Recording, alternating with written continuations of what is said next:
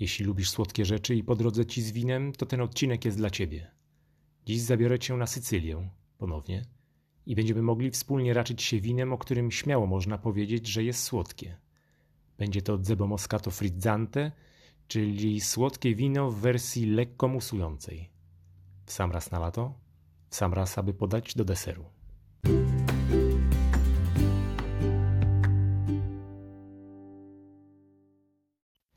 Dlaczego akurat to, a nie inne wino? Ponieważ w winie tym znajduje wiele atutów. Z jednej strony mamy butelkę, którą możemy nabyć w tej chwili za 30 zł. To jest y, promocja w centrum wina. Y, na co dzień kosztuje 40 zł, choć znalazłem też sklepy, które w internecie oferują tą etykietę za złotych 45 i więcej. Y, kolejnym atutem dla mnie przynajmniej jest jego owocowość.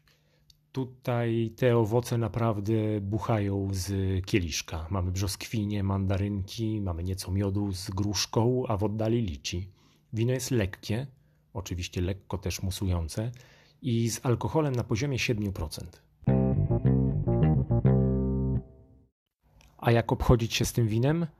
Na pewno należy podać je schłodzone i niech to będzie okolica 8-10 stopni. E, dzięki temu to lekkie wino zapewni nam orzeźwienie.